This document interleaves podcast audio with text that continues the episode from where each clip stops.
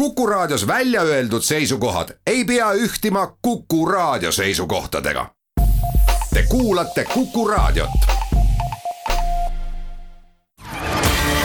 majandusruum. tere, head Kuku Raadio kuulajad, eetris on Majandusruum ja stuudios ajakirjanikud Harri Tuul ja Liina Laks, et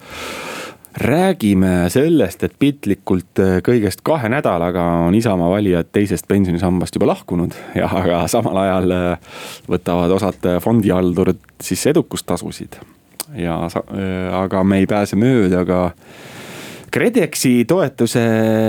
jagamistest, et mis seal valesti läks.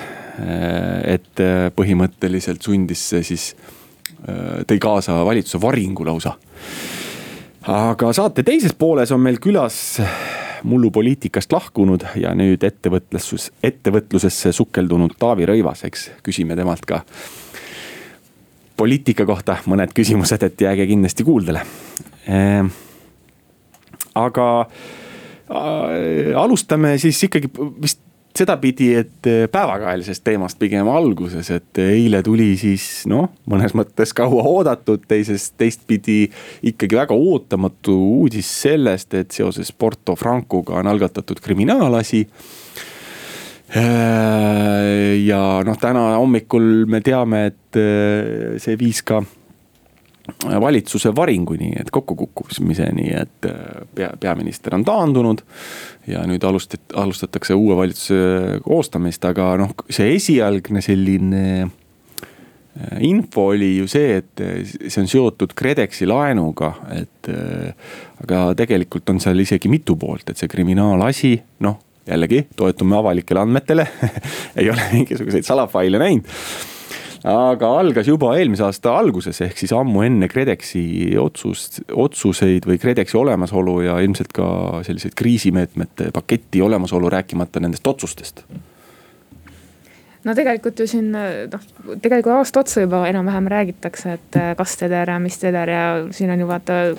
kogu aeg, kui sa ütled noh, Keskerakond, siis sa vaatad ka, et kes on andnud kellele raha näiteks. et ega neid, see on alati see häda, et vaata, kui sul ärimees annab raha kuskile, et siis äh, tavaliselt tekivad ka küsimused, et. Äh, ja sa hakkad nagu täpsemalt vaatama, et kuhu ja mille eest ja mis seal nagu sai. aga noh, nüüd on praegu jälle selgunud, et äh, noh, suur osa oli siis taaskord nagu Tallinna linnal. et seal lubati meelehead ja siis teine asi on muidugi KredExi asi, mina vaatasin, et ma just vaatasin seda KredExit nagu rohkem, sest et seal on tegelikult no tegelikult vaata, kui see koroona rahade jagamine algas, ega siis seal ju ka erinevad organid, kas ütlesid ka, et kuule nagu hästi palju kahtlast on, et pole ainult KredExi asi, seal on kõik messid ja muud ka. et ei tea, huvitav, kas seal ka kedagi võetakse liistule.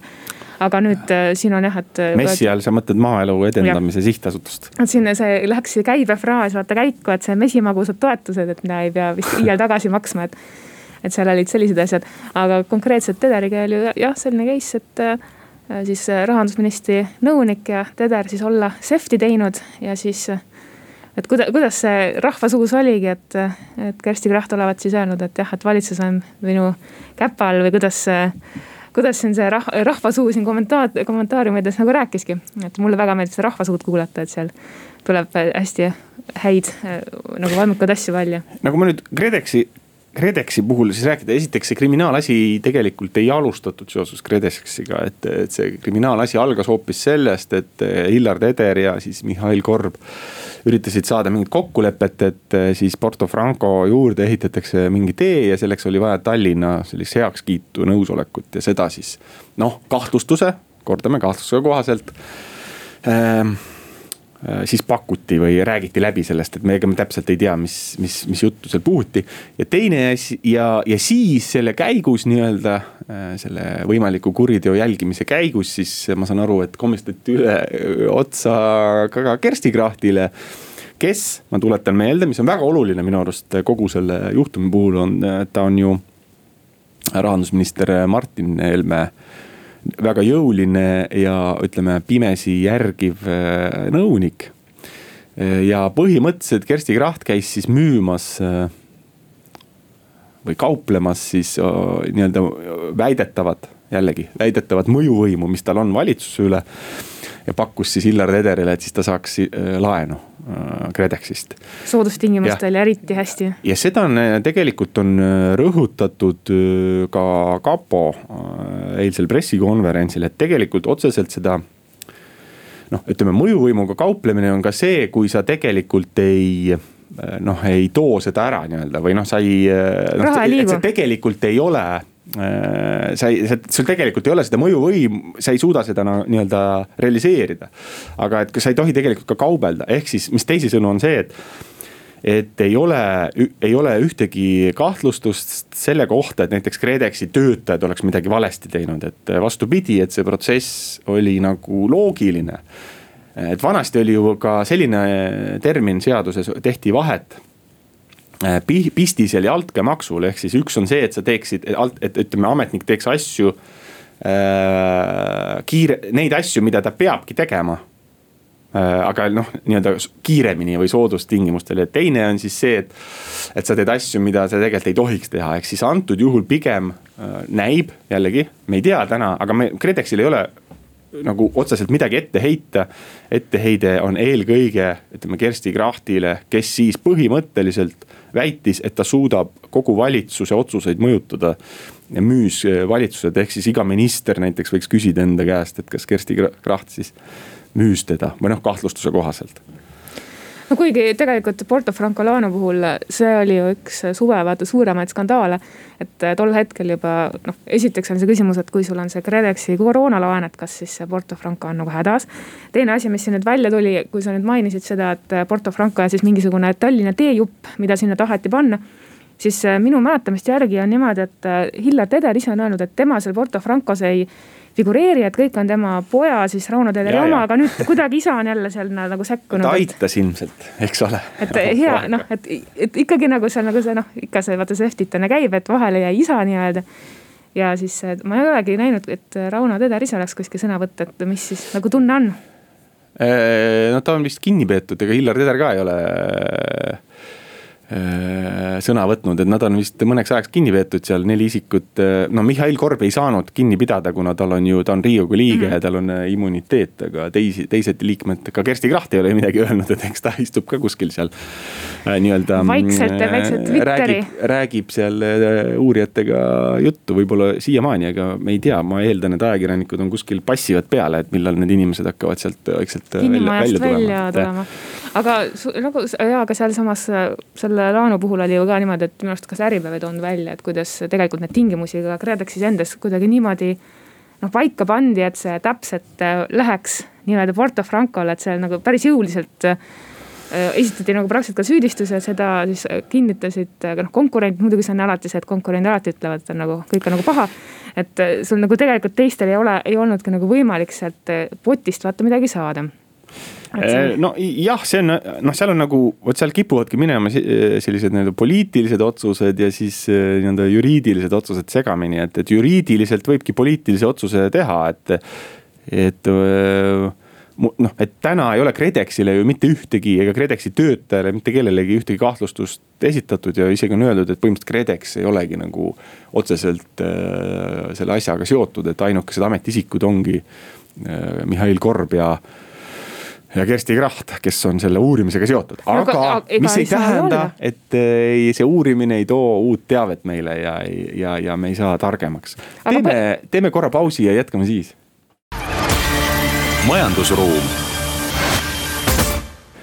jätkame saatega, stuudios ajakirjanikud Harri Tuul ja Liina Laks ja rääkisime siin sellest viimasest skandaalist ja KredExist ja sa, sul Liina jäi mõte pooleli, et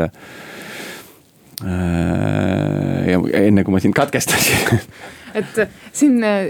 vaata noh, KredExi puhul nagu sa ütled, et ega süüdistust ei ole ja põhimõtteliselt ju see süsteem käis niimoodi, et kuna see oli see noh, nii-öelda see suur mega riigiabi, noh kus siis valitsus pidi otsuse vastu võtma, et ega.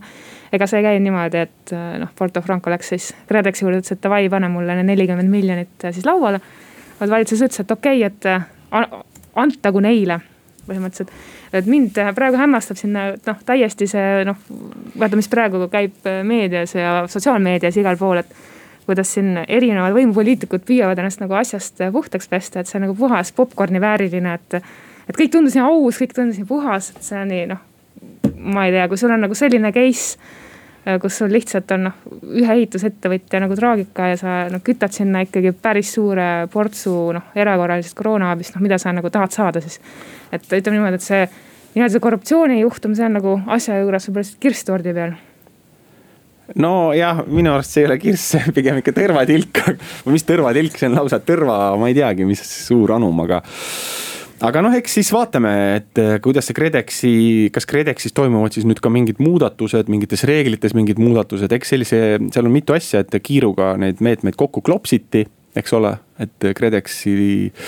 meetmed ja teine asi, noh, kui sa hakkad ikkagi miljardeid jagama, eks ole, et siin meil, me kisume pulkadeks mingisuguseid katuserahasid, eks ole, aga tegelikult miljardid, sajad miljonid liiguvad niimoodi, et me väga. noh, Porto Franco on ainus näide, aga küllap, eks seal heinakuhjas võib tõenäoliselt veel selliseid Oota, ütleme saja... niimoodi kahtlaseid näiteid leiduda, et see on nagu loom-, noh, mõnes mõttes on see, ma ei taha midagi halvasti öelda, aga mõnes mõttes on see loomulik, et kui sa kukud kulutama, et siis mingi asi läheb ka untsu antud juhul muidugi mulle tundub, et äh, see oli väga teadlik äh, tegevus. Äh, nii, aga lähme nüüd teise teema juurde, mis nüüd tagantjärgi eriti hästi võib Isamaa rahulikult hingata, et isegi, et valitsus kukub sest pensionireform sai mitte lihtsalt läbi viidud, vaid ka jõustatud. ja, ja mis on siin esimesed numbrid on, no vot ei oskagi öelda, et kas ähm, kas see on nüüd kiire või aeglane, aga ütleme, suurusjärgud on sellised, et äh, esimese siin paari nädalaga, eks, et või isegi tosinkonna päevaga on lahkunud üle neljakümne kolme tuhande inimese, et ma võib-olla täna on veel juba veel rohkem, et äh, pensioni keskuse kodulehel polnud andmed uuenenud, aga, aga noh, see ütleme, see suurusjärk on juba võrreldav isa, nende inimeste arvuga, kui palju Isamaal valijaid oli viimastel valimistel, oli seal viie, kuuekümne tuhande kanti, viiekümne kuue tuhande kanti, et. Et arvestades seda, et ka väga paljud ilmselt jätavad sellega noh, hakkavad tulema teavitused kusagil seal märtsi, enne märtsi, kui see tähtaeg kukub, eks ole, et sa saaksid sügisel rahad kätte. et siis ka veel võib-olla tuleb mingi teine laine, et siis see, see, see number noh, on päris suur, et tundub, et osad inimesed ikkagi ootasid seda stardipauku, et kiirelt pensionifondist välja saada. Mhm. ja see number, mida näiteks me ei tea ja mida pensionikeskus ei avalda, on näiteks see, et palju on lõpetatud äh, siis äh, neid pensionilepinguid kindlustusseltsidega. et kas, äh, mis nagu sealt veel tuleb? ah jaa, ah see on ka muidugi päris huvitav number, ma arvan, et see võib olla isegi noh, palju neid üldse inimesi on muidugi, et väga palju ju ka ei ole, aga see on ka päris hea, huvitav number kindlasti ma arvan, et seal, kusjuures seal on see eriti õigustatud, kuna enamik neid lepinguid, olgem ausad, olid väga kahjulikud. Mis no ütleme nii, oleme ausad ikka noh, röövellikud, ega siin. et selles nagu... mõttes seda numbrit võiks isegi mõnes mõttes äh, noh Äh, noh, kas just kiita, aga ütleme, see on küll mingi asi, mille üle tasuks kindlasti mõelda, kuna juba seadusandja on sellise võimaluse loonud, et, et siis raha võib-olla sealt saab äh, kokku hoida. kusjuures seda saab teha ju ainult noh, väga piiratud aja jooksul, et kui sul on võimalik sealt noh, kui sa oled veekoguja ja tahad sealt sammast nii-öelda lahkuda, siis seda saad sa nagu praktiliselt piiramatult teha. Noh, valida ka siis äh, see ajaaken, mis sul seal sellest kindlustuslepingust väljuda, see on ikkagi suhteliselt lühikeseks tehtud, et aga selle äh, teise samba pensionireformi varju jäi väga paljuski see, et siin paar aastat tagasi tegelikult ju muudeti ka esimest sammast ja remonditi teist sammast, ehk siis äsja-äsja oli ka üks teine väga suur reform. Äh, see reform nägi noh, ütleme kaks põhiasja, mis seal muudeti, äh, oli see siis esiteks esimeses sambas tehti seni palga, noh, see nii-öelda palgakomponent tehti, pool on staaži komponendiks, ehk siis kui teil seda mm, indeksit arvutatakse, siis pool on nii-öelda teie teenitud palk ja pool äh, teie teenit-, noh nii-öelda staaž. aga teine asi on siis alandati äh, pensionifondide äh, noh, tasusid, aga samas kirjutati juurde sinna ka see edukustasu noh, võimalus ja nüüd ongi põhimõtteliselt olnud see esimene kord, kui seda edukustasu on saanud võtta ja, ja on ka võetud ja, ja noh, mõnes mõttes see ajastus on muidugi noh, põnev. põnev, et ajal, kui sul on võimalus, siis lõpuks kõik see nii-öelda äh, mine, ütleme ära saata nelja tuule poole, et, et siis tekivad ka need esimesed nii-öelda numbrid, et kui palju, kui suured ja, ja võivad need edukustasud üldse olla no siin hetkeseisuga on niimoodi, et edukustasu sa saad võtta siis noh, sellisel juhul, kui sa niinimetatud, ma ütlen nagu väga rasvastes jutumärkides indeksit ületad. mis on tegelikult see sotsiaalmaksu laekumise vahe siis sinna pensionisambasse, mis on noh, ütleme niimoodi, et no ma ei oskagi selle kohta midagi nagu tarka ütelda. aga siis ähm, teine asi on see, et äh, siis pangad peavad ise kirjutama siis ka sinna fondi prospekti sisse, et kas nad võtavad või ei. hetkel on siis kahe panga fondid öelnud, et jah, et me siin nagu suhteliselt äh, vaba käega võtame, et need on LHV Luminor. Äh, Luminoris oli selline asi, et nemad vist ei saanud siin viimases raundis nagu eriti palju sealt üle vist sellest indeksist, mulle vist tundus vähemalt selle pensionikeskuse näite põhjal. aga LHV sai üle no, seal paari aktiivse fondiga ja sealt nad võtsid ka kuus miljonit ja siis äh, oleme ausad, et äh, noh. pärast ma seal rääkisin ka mõne inimesega, et nad ütlesid küll, et noh, kui selle samba remontimiseks läks ja see edukustasudest oli jutt. Siis täiesti ausalt, ma ise meenutasin ka, et räägiti mingist indeksi ületamisest aga see polnud päris selge nagu, mis see indeks on, et mm -hmm. algselt mõtlesime kõik, et okei okay,, see on mingi noh, börsiindeks a la SB viissada, lähed üle, palun väga, eks ole, SB viissada paneb aastas sul umbes pluss-miinus kümme protsenti, et see on ju noh, täiesti nagu viisakas. aga nüüd siin selgus, et noh, siin on mingi sotsiaalmaks, mis tegelikult Eestis võib olla see laekumine ka päris okei okay,, aga no noh, see eelmine aasta vist oli mingisugune kaks protsenti, et see on noh nojah, ta on seotud põhimõtteliselt esi, esimese samba Toot, indeksiga, et, et kui sa suudad toota teenida rohkem kui esimene sammas, siis sa saadki nagu edukustasu, et noh, võib ka sellise valiku teha, et aga, aga ta ikkagi on natukene segane, et miks just see, et teine, et võiks ju olla ka mõnes mõttes ka eeldus, et esimesest sambast niikuinii võiks olla. no muidu pole nagu pointigi äh, nagu seda teha. muidu ei ole ja täpselt ei ole nagu justkui mõtet üldse koguda, et aga, aga see tekitas ka väga palju diskussiooni, et kas selline käitumine üldse noh okei okay,, see on seadusesse kirjas pandud, on ju, aga kas ta on eetiline ja üldse mõistlik eh, niimoodi motiveerida, eks ole, fondihaldurit? ei, see ei ole, siin ei ole nagu häid näiteid tegelikult maailmast, et kus fondihaldur on hakanud imet tegema siis, kui tal on see protsent seal nagu ette antud, et sul on siin mingi edukustasu ja seda väga näiteks muidugi on kritiseerinud Tõnu Päkk kes ütles, et tegelikult ta kritiseeris seda juba tol hetkel, kui hakati seda sisse panema ja siis osad fondid endale selle võimaluse lobistasid sest oleme ausad, et tol hetkel läks kogu aur ju selle peale, et kuidas neid noh tasusid alandatakse, sest et seda oodati ju nagu meeletult, et keegi seda edukustasu ei vaadanud. ja nüüd noh, kui on näha, aga põhimõtteliselt, mida tuleb ütelda, on nagu jumal tänatud, on see, et see ei ole nagu kohustuslik olla nendes fondides, mis edukustasu võtavad, et sest et see noh, on ikkagi päris, päris kirves, mis sinna sisse lüüakse. et lihtsalt vaata, et kas sul on juhtumisi selline fond, mis võtab ja kui sulle ei meeldi ja see tootlus noh, selle võrra jääb ju väiksemaks, eks ole, kui sealt ikkagi päris palju nagu ära sealt korjatakse, et siis sa saad ju alati vahetada jah, aga noh, ütleme selline ilmeks näide, kus nagu räägiti ühel käel, eks ole, tasude alandamisest, aga siis tekkisid nagu nii-öelda ühed, ühed teised tasud, et, et noh, et ma, ma saan aru nendest inimestest, kes tunnevad ennast natukene nagu petetuna, eks. aga tõesti, äh, mitte ainult ei saa mitte fonde vahetada, vaid saab ka üldse pensionisambast hakata ise koguma ja, ja väga palju erinevaid variante, et eh, noh, põhimõtteliselt praegu ongi õige aeg need endale eh, selgeks teha ja üle korrata. aga läheme nüüd pausile ja pärast seda on meil eh, külaline Taavi Rõivas. majandusruum oleme tagasi stuudios ajakirjanikud Harri Tuul ja Liina Laks ja meil on külas äh, endine poliitik, äh, nüüd äh, eilse uudise taustal Auveteh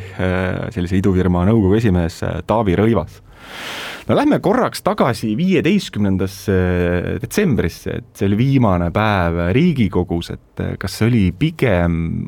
kurb päev või selline kergendus? No nii ja naa, eks äh, ma olen ju poliitikas olnud üle, üle kahekümne aasta ja, ja selge see, et, et seda äh, tööd on tehtud südamega ja, ja jäävad maha või jäid maha paljud sellised äh, ilusad emotsioonid ja, ja ka head kolleegid. Aga ütleme nii, et järgmisel päeval uues kohas alustades pigem oli küll see tunne, et ega tagasi, tagasi ei ihka, et ikkagi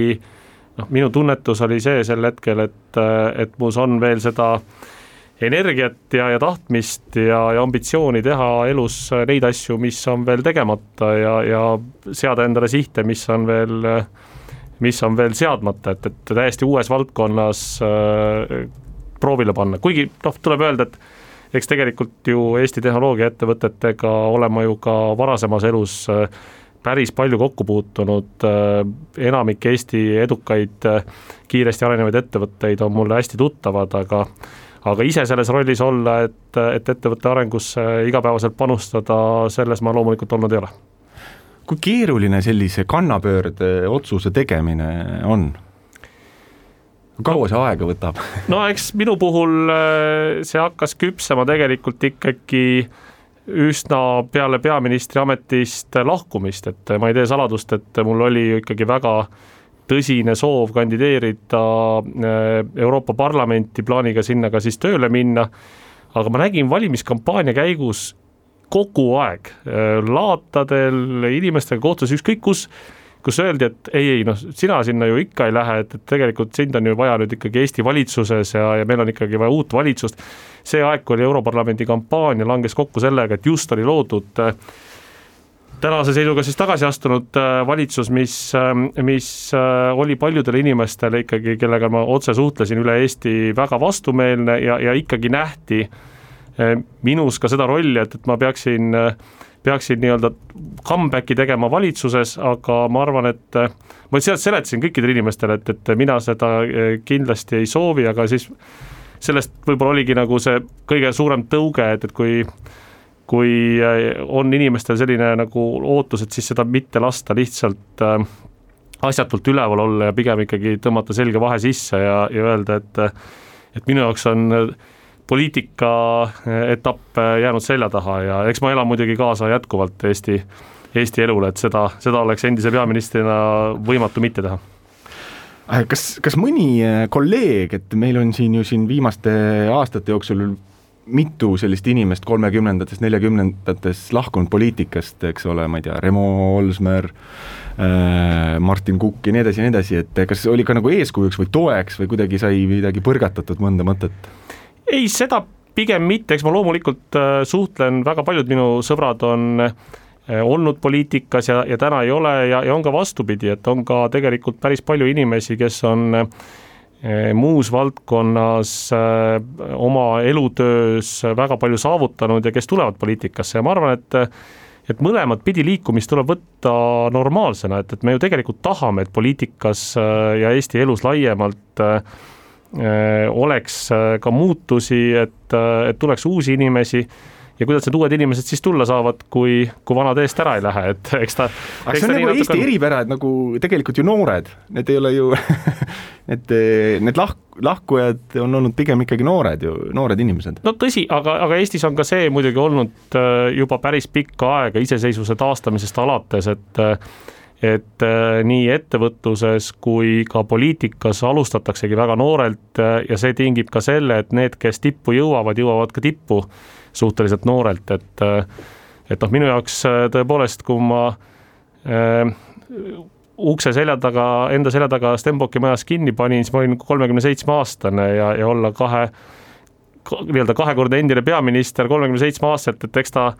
eks ta nagu poliitikas seabki väga raskeks selliste uute sihtide seadmise, et, et äh, minu jaoks ja, ma arvan üldse tegelikult ega Eesti poliitikas ei ole olulisemat äh, ametikohta või, või suuremat sihti, kuhu mis tahes poliitikul pürgida, kui, kui valitsust juhtida. ja, ja seetõttu on ka igati loogiline, et, et minu järgmised väljakutsed, suuremad äh, väljakutsed saavad ikkagi olla erasektoris ja see on ka see põhjus, miks ma äh, täiesti, täiesti su-, suure huvi ja, ja põnevusega selle väljakutse vastu võtsin no äh, enne, lähme nüüd kohe just nende erasektori küsimuste juurde, aga nüüd päevapoliitiliselt ma ei saa jätta küsimata, et nüüd eilsed sündmused, eks, et valitsus kukkus kokku, et mis tundega nii-öelda kõrvalt vaadates nüüd kuu aega eemal olles äh, vaatad? no ma arvan, et Jüri Ratas tegi õigesti, et sellises olukorras poliitiline vastutus võtta ma ei tea ja, ja jumal tänatud, et ei tea paljusid asju, kuhu see konkreetne kriminaalasi välja võib viia, aga sisetunne ütleb, et, et ega see kiiresti ära ei kao ja, ja neid ebameeldivaid teemasid ja, ja küsimusi küllap tuleb sealt veel ja veel ja veel ja selles valguses äh, valitsusjuhina jätkata, kus, kus sinu juhitav erakond on, on on ikkagi sedavõrd tõsise kahtlusse saanud, olekski väga raske, nii et ma ütleks, et Jüri Ratas tegi õige valiku. aga ei tahaks kätt külge panna? ei, ei, hoidku selle eest, et mul on, mul on tulnud täna väga palju, väga palju sõnumeid, millele ma olen kõigile vastanud, et ei, sõbrad, minu sooritused poliitikas on jäänud minevikku. aga sellise poliitikakogemuse saanud inimesena et mis saab Eestis edasi, et kes läheb siis nüüd koalitsiooni, mis see Saba tunne ütleb? Saba tunne ütleb, et, et Keskerakond äh, ei väljunud äh, sealt ruumist ilma, et neil mingi plaan oleks, aga, aga mis see plaan on, käsi südamel, mina seda ei tea ja, ja ei saagi teada, et äh, mõneti sattunud nagu sellesse olukorda, kus ma olen kogu aeg nagu kerge muigega vaadanud neid poliitikakommentaatoreid, kes kes igasugust siseinfot omamata võtavad väga jõulisi seisukohti, et äh, ma pigem sellest äh, hoiduks. ma väga loodan, et Eesti äh, saab võimalikult kiiresti tugeva ja stabiilse valitsuse. ma väga loodan, et, et see valitsus seab esikohale siis koroonakriisiga tegelemise, Eesti kriisist väljajuhtimise, aga kes valitsuse teeb, kes seal kas jätkavad või, või kes sinna juurde tulevad või, või muutuvad, tõesti väga, väga vara öelda ja ja ma arvan, et ma arvan, et siin juba lähipäevad annavad siin arutust, et ma väga loodan, et see valitsuskriis väga pikalt vinduma ei jää, et see oleks kindlasti väga halb, sest koroonakriis on äh, on reaalne ja, ja inimesed ootavad seda, et vaktsiin jõuaks kiiremini kohale, inimesed ootavad seda, et saaks ka ise vaktsineeritud, mitte ainult lehest selle kohta lugeda või, või raadiost kuulda. ja, ja seetõttu jah, ei ole, ei ole praegu aega lasta kriisil pikalt vinduda aga lähme nüüd äh, ettevõtluse juurde, et Auve Teh, eks ole, et võib-olla kuulajad ei teagi, mis ettevõte see on, et jah, tegemist on äh, ju suhteliselt noore ettevõttega, mis tehnoloogia valdkonnas on hakkama saanud asjaga, mis võiks tunduda Eesti suurusele riigile vaat et võimatu missioonina, aga elu on õpetanud, et mitte miski ei ole võimatu, ehk siis Auvetech äh, äh, toodab äh, autonoomseid sõidukeid, mis on mitte sellised, millega saab sõita, istuda hommikul autosse ja sõita sellega näiteks Tartusse või, või Pärnusse, vaid mis sõidavad ja teenindavad inimesi noh, nii-öelda viimase miili või, või esimese miili lahendusena nad on juba äh, reaalses elus opereerinud nii ärilinnakutes, sealhulgas Tallinnas äh, Ülemistel, äh, on reaalselt opereerinud ka ühistranspordi pikendajana, ehk siis kui bussi või, või metroo või rongipeatus toob inimesed kuhugi ütleme siis külaserva, et siis seal selles alas, kus, kus tegelikult võib koduni olla veel või, või ka kontorini olla veel sadu meetreid, seal need autonoomsed sõidukid saavad siis inimesi kohale viia. ja noh, neid kasutusrakendusi on kindlasti, kindlasti väga palju, aga, aga mis on väga oluline, on see, et, et Eesti äh, insenerid, Eesti teadlased, Eesti äh, Eesti disainerid on hakkama saanud sellise asjaga, mis ka päriselus reaalselt väga hästi toimib ja, ja mis on saanud lausa kolmes Euroopa Liidu riigis juba ka, ka need registreerimisnumbrid peale, ehk siis on on ka tänaval legaalseks tunnistatud. teeme väikese pausi ja jätkame siis. majandusruum. oleme tagasi, stuudios ajakirjanikud Harri Tuul ja Liina Laks ja meil on külas äh, endine poliitik, äh, nüüd ettevõtja Taavi Rõivas, et äh, no olete Auvetechi nõukogu esimees, et eks nõukogule saab erinevaid ülesandeid panna, et mis ülesanne sinul on pandud uh? -huh. no ütleme nii, et äh, kui me vaatame selle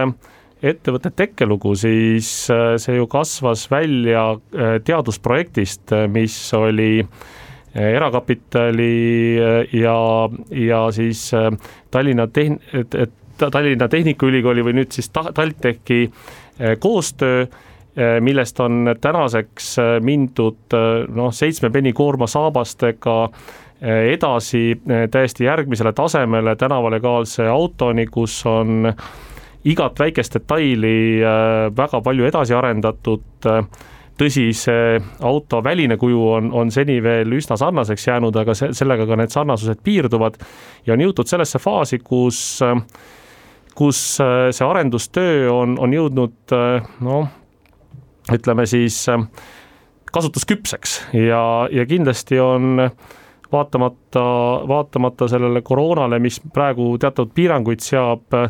järgmine ülesanne seda autot ka rohkem maailmale näidata, et et äh, see auto kindlasti väärib seda, et, et, äh, et, et seda oleks, oleks ka rahvusvaheliselt äh, näha ja, ja et ta saaks võimalikult erinevates tingimustes, võimalikult erinevates riikides ka, ka päriselt opereerida. selles mõttes on muidugi Eestis autotööstuse tegemine mõneti isegi eelis, et kui me vaatame aknast välja ja seda paksu lumekatet, siis paljud autotootjad peavad minema kuskile Lapimaale või, või, või kaugele põhja, et, et, et autosid sellises olukorras testida, aga aga kui praegu, kui me siin räägime, siis siis Auvetechi autosid reaalselt testitakse just selles kontekstis, et, et millised lidarid on lumesajus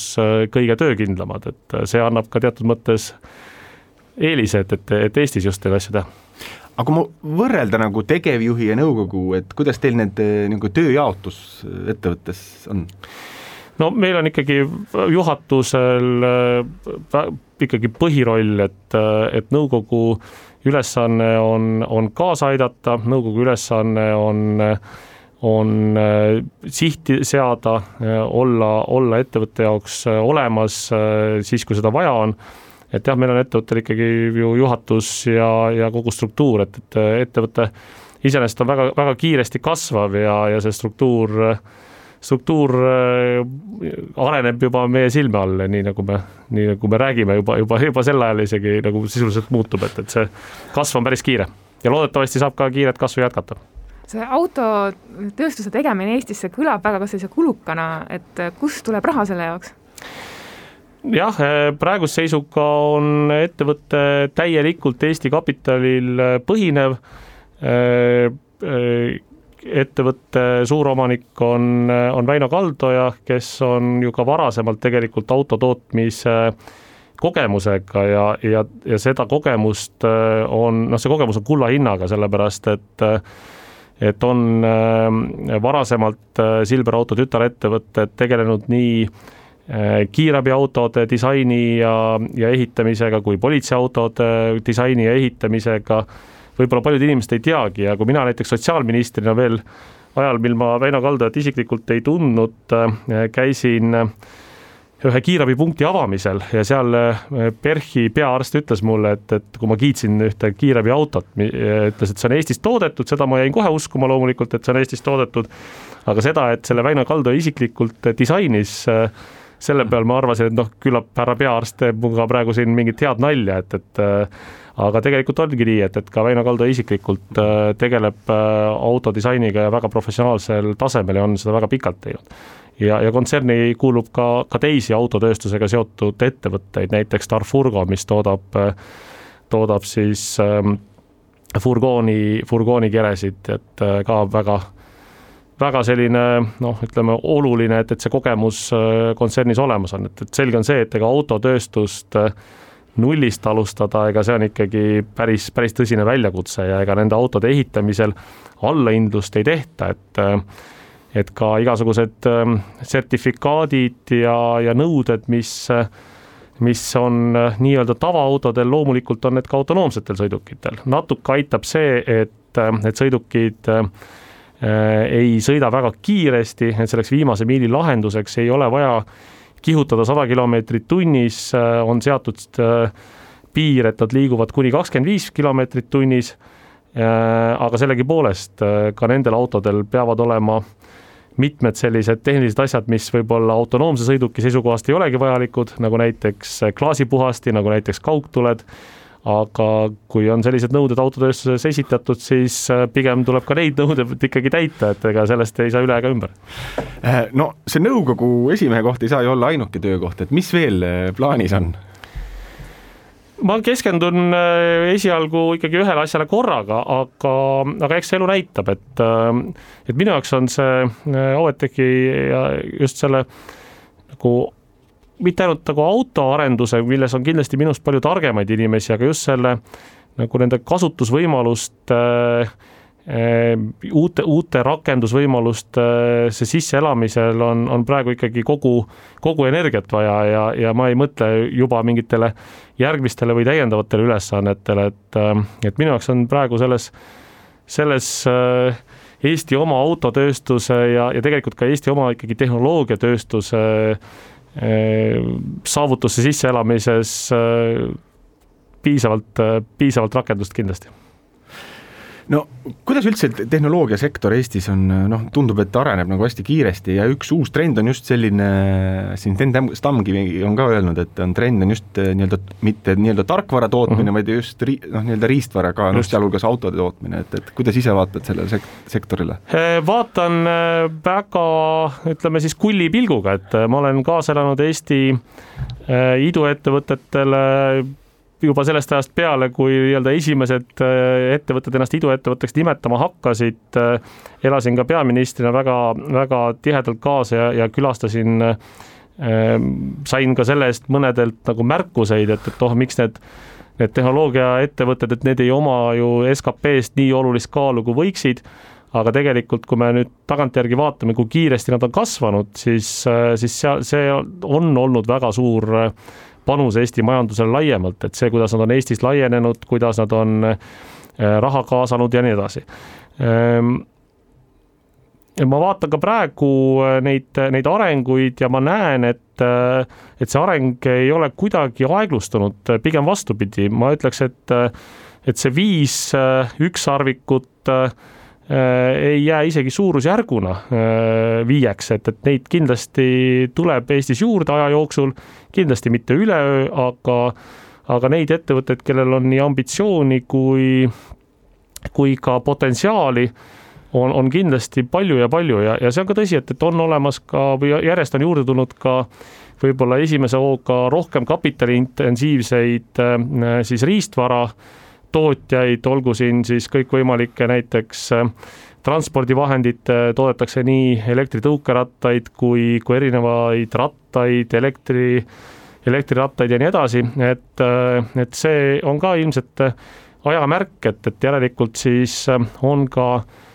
rohkem kapitali saadaval ja, ja ma usun, et, et, et see selles mõttes see trend jätkub, et, et mulle väga meeldib see, kui näiteks Pipedrive'i või mõne teise juba küpsema ettevõtte osaluse müünud inimesed